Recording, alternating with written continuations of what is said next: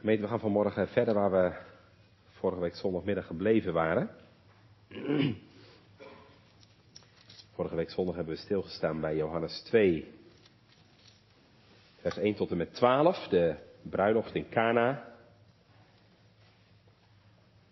Vanmorgen gaat het over de geschiedenis die daarna komt, de reiniging van de tempel in Jeruzalem.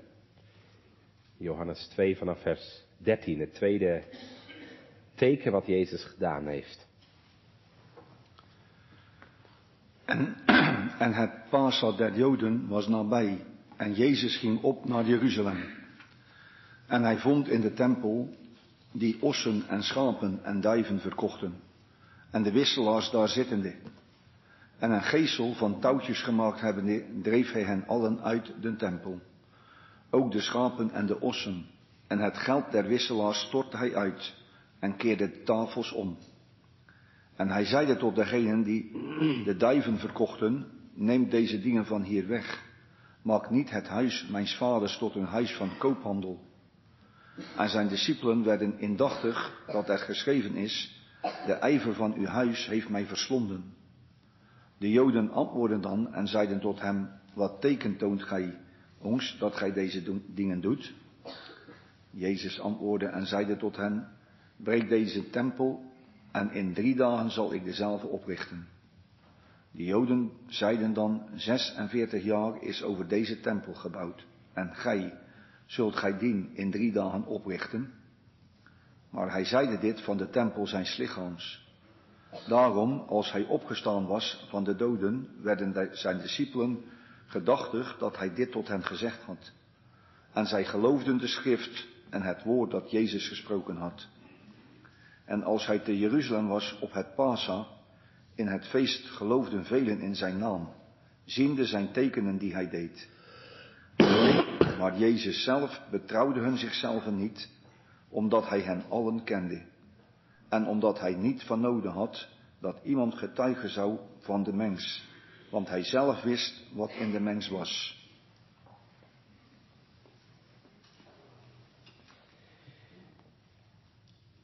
Gemeente jongens en meisjes, op dit moment lezen wij s'avonds voor het slapen gaan onze kinderen voor uit het boek Ga voor mij naar China. Ga voor mij naar China gaat over het leven van de bekende zendeling Hudson Taylor. Hij was nog maar 18 jaar oud toen de Heer hem riep om het evangelie te brengen in China. En dan gaat hij zich, de jonge Hudson, vanuit Engeland voorbereiden op zijn vertrek. En dat doet hij met een ongelooflijke toewijding. Hij leert Chinees, Grieks, Latijn en Hebreeuws. Omdat hij niet weet wat hij straks in China te eten zal krijgen, eh, wendt hij zich er vast maar aan om zo sober mogelijk te leven. Kan hij tegelijkertijd nog meer weggeven aan mensen die het nodig hebben.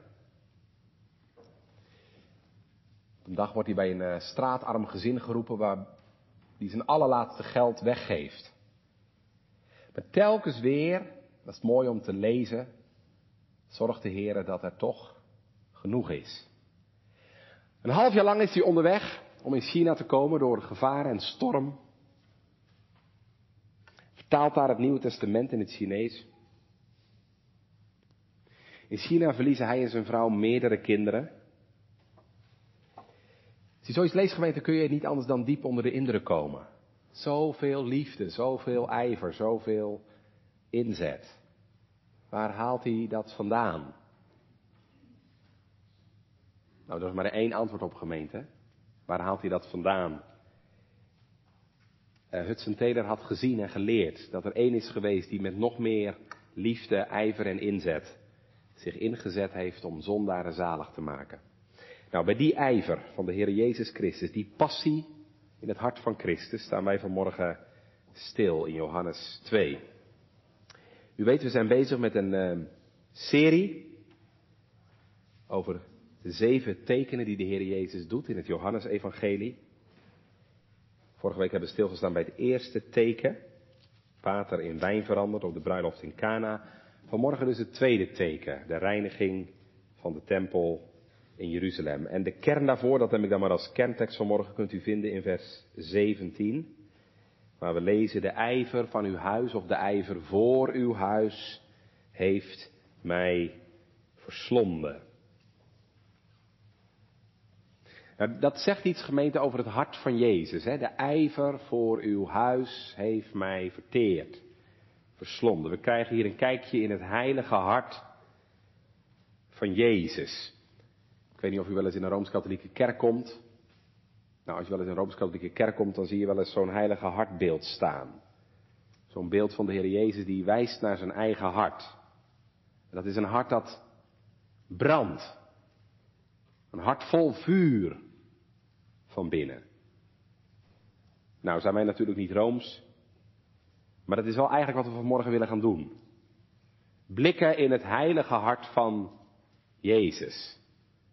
Een hart dat vol passie is voor de naam en de dienst van de Vader. En het is die passiegemeente die straks zal leiden tot Jezus dood.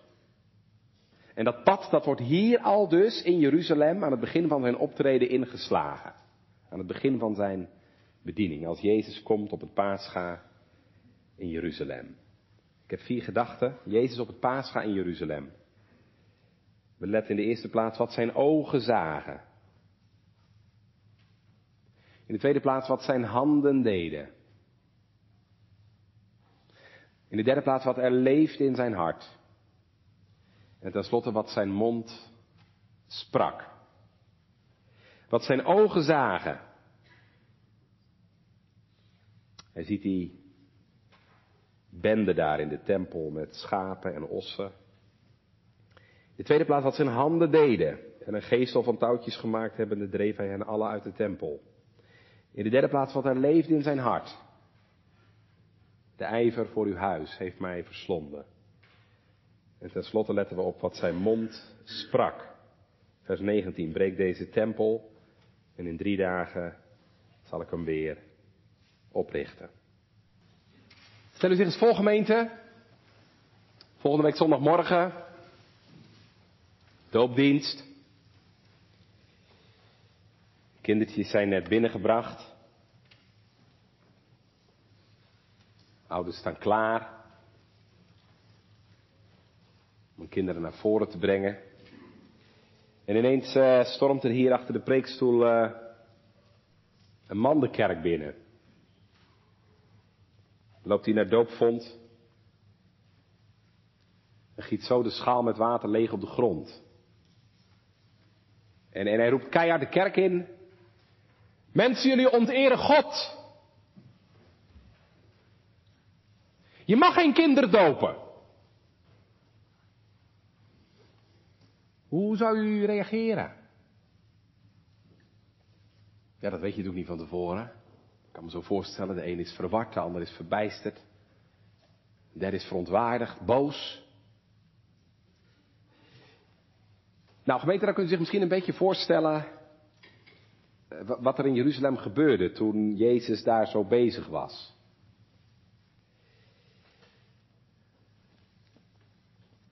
En jij had erbij gestaan. Kun je een beetje voorstellen hoe de mensen zich gevoeld moeten hebben. Wat is er aan de hand? Ja, Jezus gaat naar Jeruzalem, lezen in vers 13. Vorige week kwamen we nog tegen in Cana, hè? helemaal in het noorden, Galilea. Vandaag dus in Jeruzalem, want het is bijna Pasen. Pascha der Joden staat er, was nabij. Nou, Pascha, dat weet u dan, hè? dan is het een drukte van belang in de stad. Eh, honderden, duizenden pelgrims. Zeker rondom de tempel is het natuurlijk ontzettend druk. En, het is niet alleen druk bij de tempel, het is ook druk in de tempel. Dat zien we in onze eerste gedachte. Dan letten we op wat zijn ogen zagen. Wat zijn ogen zagen. Lees maar mee. Vers 14. En hij vond in de tempel die ossen en schapen en duiven verkochten en de wisselaars, de geldwisselaars daar zittende. Nou ja, op zich was dat toegestaan wat we hier lezen, wat Jezus zag. Al die uh, handelaars met dieren, Kijk, je moet je voorstellen, die, uh, die pelgrims, hè, die konden natuurlijk niet uh, dagen achter elkaar met een schaap of met een geit door het land trekken. Dus daarom had de Heer toegestaan dat er rond de tempel dieren verkocht mochten worden. Voor, voor een offerdier of als paaslam in dit geval. Maar wat de Heer niet had toegestaan, en dat is wel wat er hier gebeurt, wat de Heer niet had toegestaan was dat dit in de tempel gebeurde. Buiten, ja, dat mocht. Maar niet binnen. Daar komt trouwens bij dat op deze manier de ruimte voor andere mensen wordt ingepikt. Want even voor de duidelijkheid, waar staan deze kooplui met hun dieren? Die staan in het voorhof. Het gedeelte van de tempel wat we kennen als het voorhof. En wel in het bijzonder het voorhof der heidenen. Dus met andere woorden, heidenen wordt de toegang tot Gods huis belet. Dat de Heer juist had gezegd, mijn huis zal een huis van gebed zijn voor alle volken. En, en dat terwijl de Heer Jezus juist is gekomen om ook de heidenen erbij te betrekken. Maar voor hen is er zo geen plek. Dat is één. En twee, wat er natuurlijk hier ook gebeurt, is dat de eerbied natuurlijk ver te zoeken is. De eerbied is totaal weg. Tempel, het huis van God, is, is heilige grond. Daar hoort het stil te zijn, net zoals hier in de kerk. Daar hoort eerbied te zijn. Maar in plaats van gewijde stilte, is het een kabaal van je welste natuurlijk. Met al die uh, dieren, geloei, geblaad, gemekker. En daarbovenuit nog het geschreeuw van die kooplui.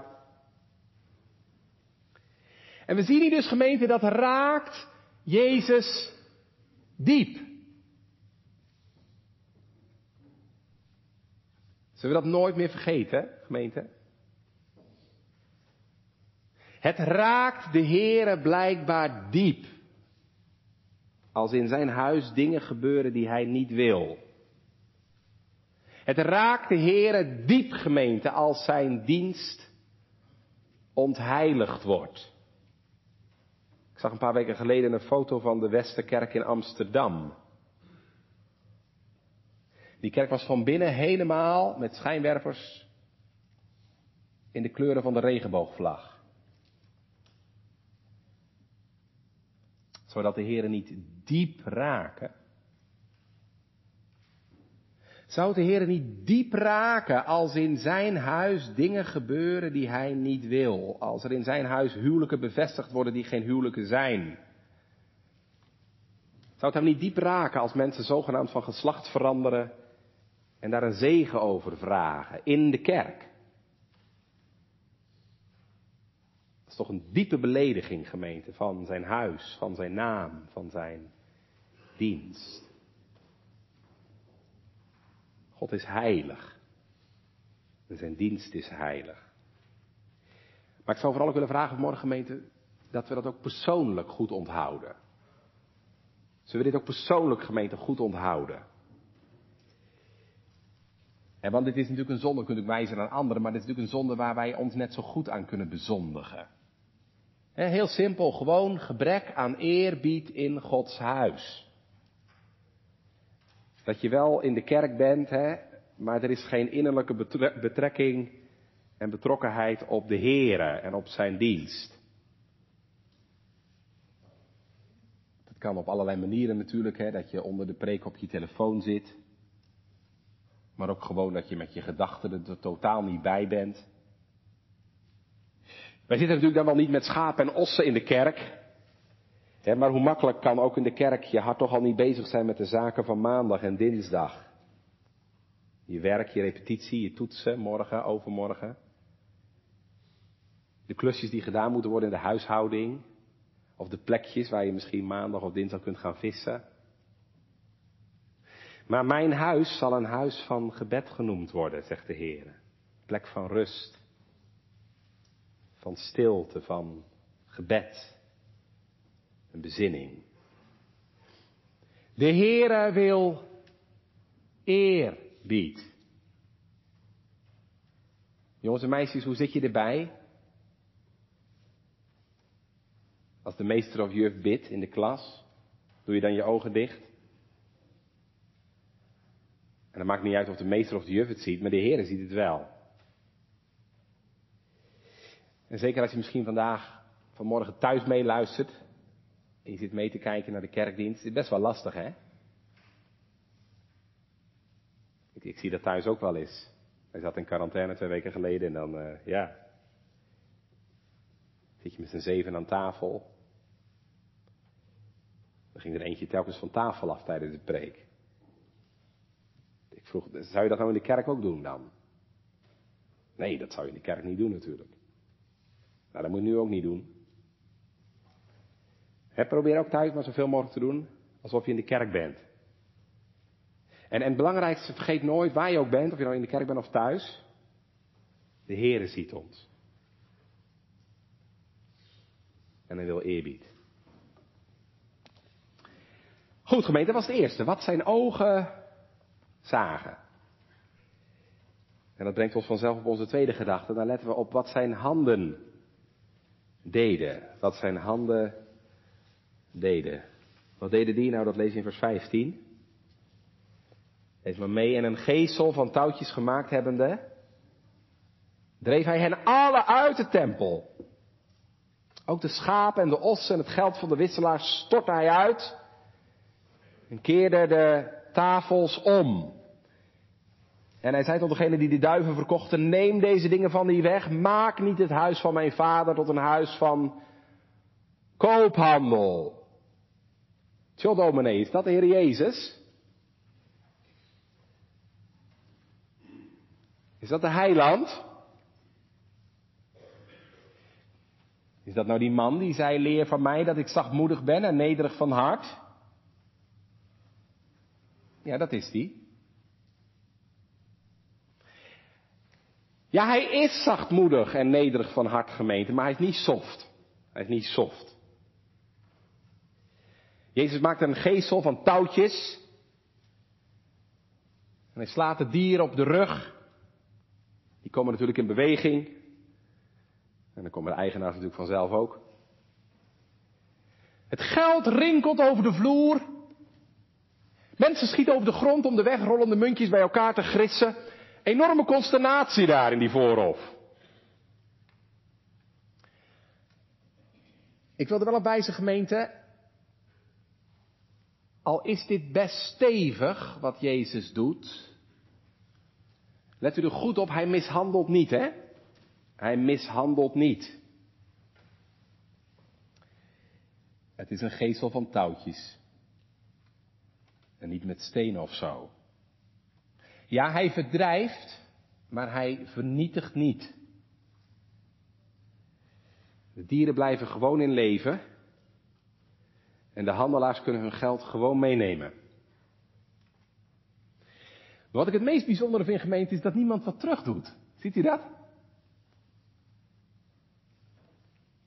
Je zegt, ja, die, die, die handelaars komen in opstand, die, die verzetten zich, die vinden dit natuurlijk helemaal niks. Maar er is niemand die opstaat en zegt, wat doet u nou? Er is niemand die tegen hem ingaat. En dat is fascinerend. Hoe komt dat? Blijkbaar gemeente gaat er zo'n overwicht van Jezus uit. Gaat er zo'n majesteit van hem uit. Dat je je hier niet tegen verzetten kunt. En maakt zich hier iets van zijn goddelijke majesteit van hem meester. Zoals je dat later ook zult zien in Gethsemane, hè? Als die vraagt aan die bende soldaten, wie zoekt gij? Ja, Jezus de Nazarener. Ik ben het! En ze vallen spontaan allemaal op de grond. Zo'n overwicht, zo'n overweldigd door zijn majesteit. Nou, blijkbaar gebeurt zoiets hier ook. Niemand durft hier iets tegen te doen. Niemand kan hier iets tegen doen. En zich ertegen verzetten. Ja, we zijn nu benieuwd, waar komt dit nou uit voort, gemeente? Dit, dit gedrag, deze handelswijze van Jezus. Daar wil ik met u op letten in onze derde gedachte. En dan gaan we kijken, dat is natuurlijk het belangrijkste, wat er leeft in zijn hart. Wat er leeft in zijn hart. Nou ja, dat is verontwaardiging, zagen we net al, hè? Verontwaardiging over de ontheiliging van de dienst van de Here. Maar daar zit nog iets achter. En daar wil ik graag even met u naar kijken. Daar zit nog iets achter, achter die verontwaardiging. En dat is wat we lezen in vers 17. En dat is eigenlijk ja, de kerntekst van dit gedeelte. Lees even mee. En zijn discipelen werden indachtig dat er geschreven is, in Psalm 69, hè? We hebben het net gezongen. De ijver voor uw huis heeft mij verslonden. En dat is denk ik de sleutelgemeente om dit gedeelte te begrijpen. Waarom Jezus zo handelt. De ijver voor uw huis heeft mij verslonden. Dat zijn woorden uit Psalm 69. Een psalm van David. Een psalm waarin David vertelt dat hij een diepe ijver heeft voor het huis van de Heer. Dat weet u, hè? u weet, David had een diep verlangen in zijn hart om het huis van de Heer te bouwen. Heeft dat uiteindelijk niet mogen doen, Salomo heeft dat gedaan, maar dat verlangen, die passie was er wel. Ijver voor Gods huis. Een diepe passie en toewijding voor de Here en zijn dienst. Dat had David, Psalm 69. En gemeente, dat heeft de grote zoon van David nog veel meer. Een brandende liefde en toewijding voor de dienst van de Heer. Weet u nog een paar weken geleden? Toen hebben we stilgestaan hè, bij de twaalfjarige Jezus in de tempel, bij de bevestiging van Amstdragen. Toen zagen wij nog maar twaalf jaar oud, een tiener, puber. Zat hij in de tempel. Vader en moeder waren hem kwijt. En wat was zijn repliek? Moet ik niet zijn in de dingen van mijn vader?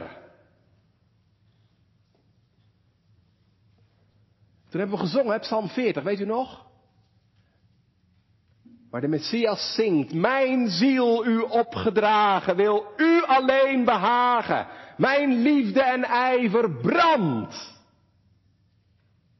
Nou, dat is het, hè. Mijn liefde en ijver brandt. Een brandende liefde en ijver voor de Vader en de dienst van de Vader. Zoals ik zei, hè, zoals je dat wel eens afgebeeld ziet op die heilige hartbeelden. Zo'n hart dat brandt met een vuur van binnen. En het is niet zomaar liefde, Nee, gemeente, dit is die ijver, dat is echt een, een allesverterende liefde. Een liefde waar Jezus werkelijk alles voor over heeft. Zijn naam, want het interesseert hem niet wat de mensen van hem zeggen of vinden, zijn reputatie. En straks zal hij zelfs zijn leven ervoor over hebben. Deze, deze passie, deze liefde is dus zo sterk dat het hem helemaal opbrandt, dat het hem helemaal verteert. En zo zal hij straks gemeente op Golgotha zijn leven aan de Vader toewijden. Zal hij zijn lichaam als een levend offer aan de Vader opdragen. Zal hij zichzelf verteren in die liefdesvlam van zijn hart. Mijn liefde en ijver brandt. En ik nodig u uit, gemeente, ik vraag u vanmorgen om goed naar dit hart van Jezus te kijken. Want wat een contrast is dat met mijn hart en met jouw hart. Toch? Wat een contrast, gemeente, met onze lauwheid en luiheid en laksheid in de dingen van de Heere, in de dienst van de Heere. Hè? Als je weer iets te lui bent om uit je bed te komen op zondag. Of te lui bent om je Bijbel te openen en geen zin hebt om je knieën te buigen. Hoe vaak is dat niet het geval, gemeente? Dat we niet vooruit te branden zijn. Hoe komt dat? Omdat wij nou gemeente van nature missen wat Jezus wel heeft. Die, die vurige, hartelijke, brandende liefde tot God. Kijk, zo had de Heer ons gemaakt. Zoals Jezus hier staat, gemeente, zo had God ons bedoeld. Dat we net als Jezus zouden branden van liefde. Hè? God liefhebben met heel je hart, met heel je ziel, met heel je verstand en met al je kracht. Maar wij zijn niet meer vooruit te branden.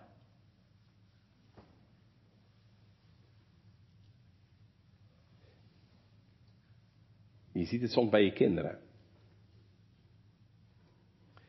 je geeft ze een klusje en het duurt uren voordat het gebeurd is. Ze zijn letterlijk niet vooruit te branden. Ja, hoe komt dat? Ja, ze vinden er niks aan. Ze vinden er niks aan. Maar toen onze oppas vrijdagavond zei, uh, als je je klusje doet, mag je straks even mee naar de McDonald's.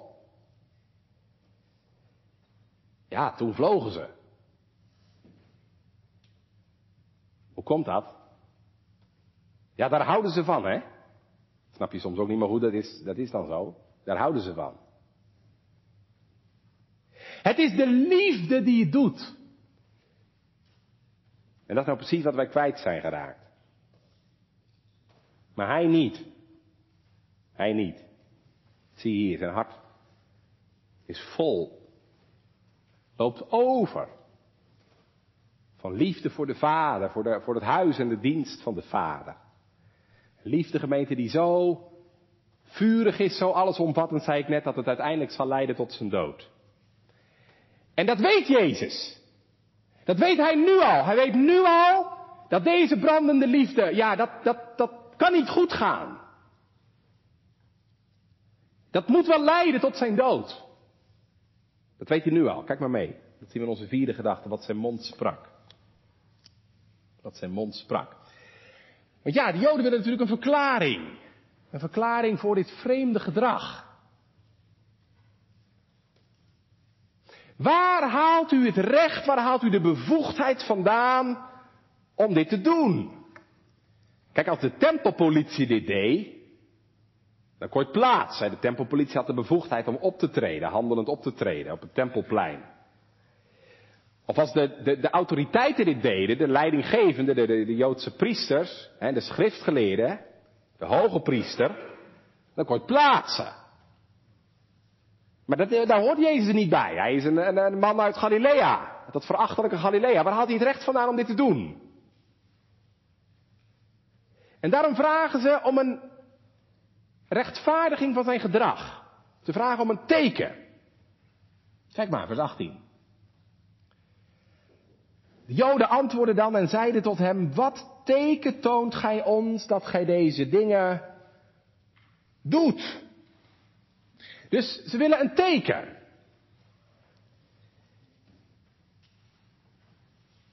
al heeft hij dan geen aardse bevoegdheid om dit te doen, heeft hij dan misschien een hemelse bevoegdheid? Is hij misschien een profeet? Of een gezant van God? Nou ja, dan moet hij dat maar eens laten zien dan. Wat teken toont gij ons? Ja, dat is natuurlijk ook wel een beetje laconiek, want hij heeft net een teken gegeven. Hij heeft net een teken van zijn goddelijke autoriteit en gezag gegeven. Hè? Want hij heeft net heel die bende verdreven, weggejaagd. En daarmee laten zien dat hij de Heere is die alle macht heeft, ook over de tempel. Maar ja, goed. Ze willen nog een teken. Nou, dat is goed, zegt Jezus, dat krijg je. Ik zal nog een teken geven. Kijk maar mee. Vers 19. Breek deze tempel en in drie dagen zal ik dezelfde oprichten. als je me nou, wat gaan we nou krijgen? 46 jaar is er over deze tempel gebouwd. En zult u hem in drie dagen weer oprichten? Ja, dat is natuurlijk niet wat Jezus bedoelt. Jezus heeft het hier, dat weten wij natuurlijk, over de tempel van zijn lichaam. En dat hij deze beeldspraak daarvoor gebruikt, dat hij zijn lichaam vergelijkt met de tempelgemeente, dat is heel bewust. Daar wil ik u graag even op wijzen. Dat is heel bewust. Want, ik heb u dat al vaker uitgelegd, maar dat moeten we steeds in ons achterhoofd houden. De tempel in Jeruzalem wees heen naar de Messias. De tempel in het Oude Testament was een heenwijzing naar de Heer Jezus. Want wat was de tempel? Dat weet u wel, de tempel was de plek waar God onder zijn volk woonde. Je zou kunnen zeggen, de tempel in Jeruzalem is het zichtbare symbool van Gods aanwezigheid onder zijn volk. Dat, dat bedoel ik als ik zeg, daarmee is de tempel een teken, een symbool van Christus. want in de Heer Jezus is dat nog veel dieper het geval geworden. In de Heer Jezus is God zelf onder ons komen wonen. In de Heer Jezus openbaart God zich niet meer in een tempel van steen, maar heeft hij letterlijk een tempel van vlees aangenomen. Zo staat het ook hè, in het hoofdstuk hiervoor, in Johannes 1. En het woord is vlees geworden en het heeft onder ons gewoond. En zoals in het Oude Testament de heerlijkheid van de Heer in de tempel woonde, zo woont Nieuw Testamentisch de heerlijkheid, de glorie van God in de Heer Jezus. Je moet eens even horen wat Johannes daarover zegt in het hoofdstuk hiervoor. Ik haal het net al aan, vers 14 hè. Johannes 1 vers 14. En het woord is vlees geworden, dat is de Heer Jezus, en heeft onder ons gewoond. En dan komt het, wij hebben zijn heerlijkheid aanschouwd. Zoals oud-testamentisch de heerlijkheid van de Heer zichtbaar in de tempel kwam. Denk maar aan de inwijding van de tempel. Toen de heerlijkheid van de Heer neerdaalde. Wij hebben zijn heerlijkheid aanschouwd. Een heerlijkheid als van de enige geborene van de Vader. Die heerlijkheid van God, die woont nu in de Heer Jezus. Vol van genade en waarheid. Dus dat is wat ik bedoel als ik zeg, Jezus is de vervulling van de tempel. Maar nu zegt Jezus, dat is wel een tempel die afgebroken gaat worden. En dat is waar Jezus hier nu op wijst. De ijver voor Gods huis zal hem verteren, letterlijk. Als straks de tempel van zijn lichaam wordt afgebroken. Nou weten wij gelukkig gemeente dat dat niet het einde zal zijn, hè? dat dat niet het laatste woord is. Want wij weten, deze tempel zal niet alleen worden afgebroken, hij wordt ook weer opgericht. Als Jezus na drie dagen opstaat uit de dood. Dat is waar Jezus hier ook al op wijst. Hè, in onze tekst. En in drie dagen zal ik dezelfde oprichten. En als dat gebeurt, gemeente, als de Heer Jezus straks opstaat uit de dood, ja, dan voltrekt zich een heel groot wonder. U weet, dan wordt die oude tempel overbodig, hè? Want het voorhangsel van de tempel scheurt op Goede Vrijdag. De oude tempel wordt overbodig. En wat gaat er dan gebeuren? Dan gaat God een nieuwe tempel bouwen. Niet meer een tempel van steen, maar een geestelijke tempel. Waar Jezus Christus de hoeksteen van is. Want de steen die de bouwlieden verworpen hebben, zal tot de hoeksteen gemaakt worden. En op dat fundament gaat God straks bouwen. Gaat de Heer geestelijke stenen invoegen. Zondaren, mensen die verbonden worden door het geloof aan de Heer Jezus, die gefundeerd worden in de Heer Jezus Christus. En mensen die door wedergeboorte en geloof van dood levend worden. Dan word je een levende steen. En dan wordt Hij het fundament van je leven. Nou, zo ontstaat er, zegt het Nieuw Testament, een nieuwe tempel. Waarvan Jezus Christus de uiterste hoeksteen is. En dan zegt Paulus zo mooi in Efeze 2, op welke het gehele gebouw, bekwamelijk samengevoegd zijnde, opwast, oprijst tot een heilige tempel in de Heer. Dat is de kerk van het Nieuwe Testament. De gemeente van Jezus Christus. De gemeente van hen die al hun heil en zaligheid van Jezus Christus alleen verwachten. Dus dat zien we gemeente, die, die passie, die ijver van Jezus.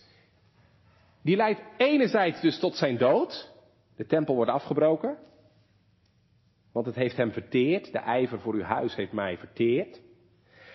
Maar nou het wonder, juist in die weg voltrekt zich het wonder van de verlossing. Want zijn lichaam wordt straks niet alleen maar afgebroken, maar ook weer opgebouwd. En dan ontstaat er, zagen we net, een nieuw gebouw. Een geestelijke tempel waar zondaren uitgenade door het geloof deel van uit mogen maken.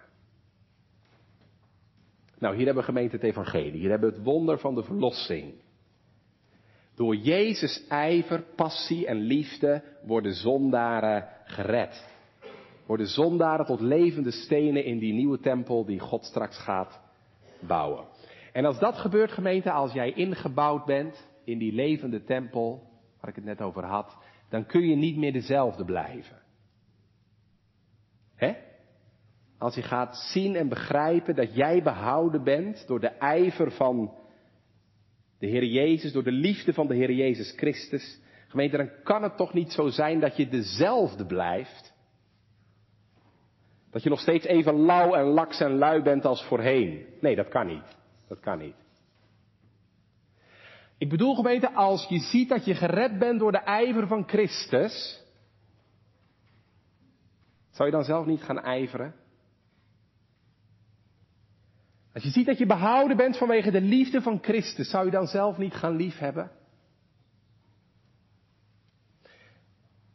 Gemeente, de Bijbel zegt ons, waar het geloof in de Heer Jezus komt, daar komt ook altijd iets anders. Daar komt ook altijd de liefde. He, want dan wordt de liefde van God uitgestort in je hart. En dan ga je de Heer weer lief krijgen boven alles. En dan komt er ook iets van die gloed, van die ijver, van die passie in jouw hart. Want echt waar, gemeente, God maakt geen luie christenen. God maakt geen luie christenen.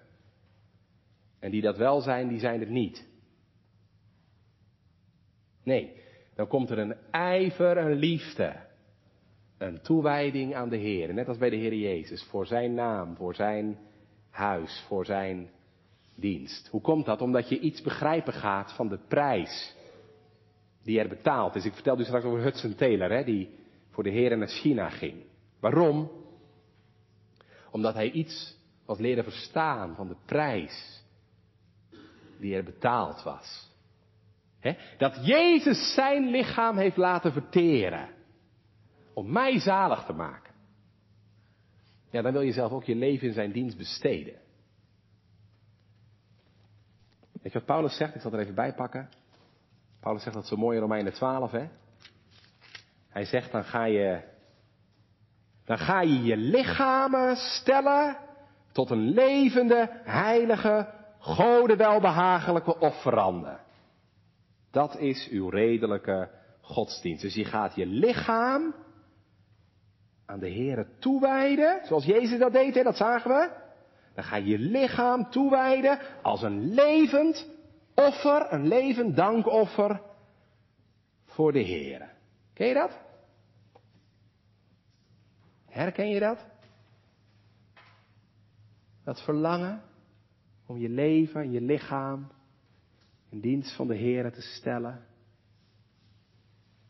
Neem mijn leven, laat het Heer toegewijd zijn aan uw eer Leer mij, o God van zaligheden, mijn leven in uw dienst besteden. Jongelui, ken je dat verlangen?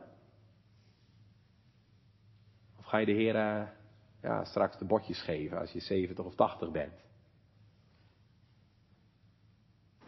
Dat moet je niet doen. Dat kan het gelukkig ook nog. Zeker, maar daar moet je niet mee wachten zo lang. De Heer is zo waard dat je hem vroeg zoekt en dient.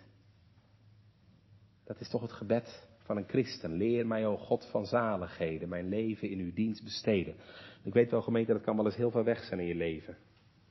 En toch waar de Heer met zijn geest in je leven gewerkt heeft, zal dat verlangen toch steeds weer komen bovendrijven. Zal dat verlangen toch steeds weer terugkomen. En zal het toch steeds weer je gebed en verzuchting zijn.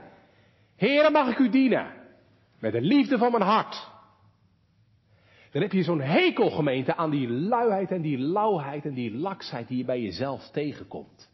Dan, dan waak je daartegen. Dan vecht je daartegen. Want dan ben je zo bang om die liefde voor de Heer kwijt te raken. Kan dat dan? Kun je de liefde voor de Heer kwijtraken? Ja, dat kan helaas wel. Althans, het kan heel ver weggaan in je leven. Ik zal het er even bij pakken. Wat de Heer Jezus zegt, hè? Tegen de gemeente van Laodicea. Hij zegt, uh, dit heb ik tegen u, dat gij uw eerste liefde verlaten hebt. Hoor je dat? Uw eerste liefde. Er was dus liefde. Ja. Maar dat waren ze blijkbaar kwijtgeraakt. Dat kan dus. En ik vrees heel erg, lieve gemeente, ik vrees heel erg dat wij in een tijd leven dat dit ook volop gebeurt.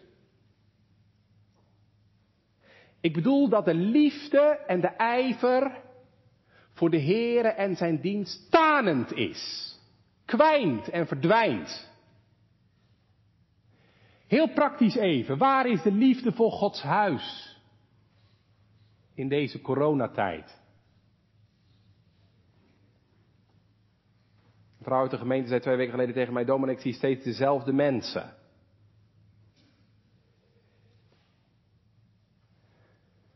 Ja, ik eigenlijk ook. Ik zie steeds dezelfde mensen. En waar zijn de anderen? Ik hoop dat u vanmorgen thuis meeluistert. Ik zal even naar u zwaaien. Maar, maar zien we u hier ook nog terug? Straks. Waar is de ijver voor de Heer in ons leven? En begin maar gewoon bij jezelf, in je persoonlijk leven. Neem je nog tijd? Neem je nog tijd voor de Bijbel? Neem je nog tijd voor gebed?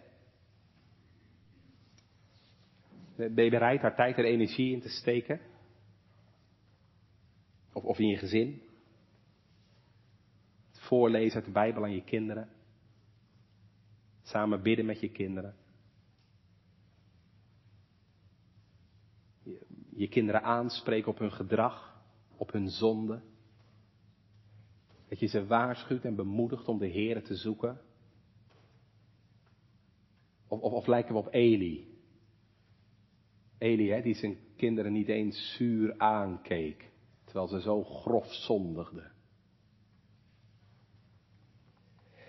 Ijver, denk ik ook gemeente, door iets te doen en te betekenen voor de gemeente. Hoe komt het nou dat we die ambten maar zo moeizaam vervuld krijgen? Hoe komt het dat het verenigingsleven zo verschraald is de laatste jaren?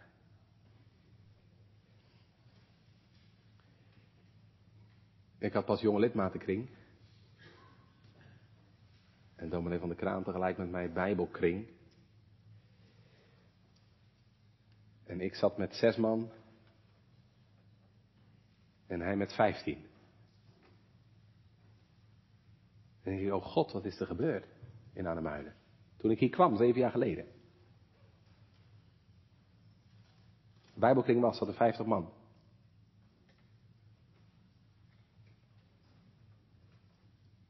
Gemeenteavond, 120, 130 mensen was heel gewoon. Wat is er gebeurd, gemeente, deze jaren met ons? Dat we zo lauw geworden zijn, niet vooruit te branden. Weet je wat Christus daarmee doet? Wat Christus doet met lauwe christenen? Zal ik het u voorlezen? Zo dan, omdat gij lauw zijt, en nog koud, nog heet. Ik zal u uit mijn mond spuwen. Wilt u dat dan? Weet je wat nog zo'n wonder is? Zelfs voor lauwe christenen heeft Jezus nog een boodschap. Ik zal het u voorlezen. Openbaringen 3. Want gij zegt, ik ben rijk en verrijkt geworden en heb geen linksgebrek. Maar ge weet niet dat ge zijt ellendig en jammerlijk en arm en blind en naakt.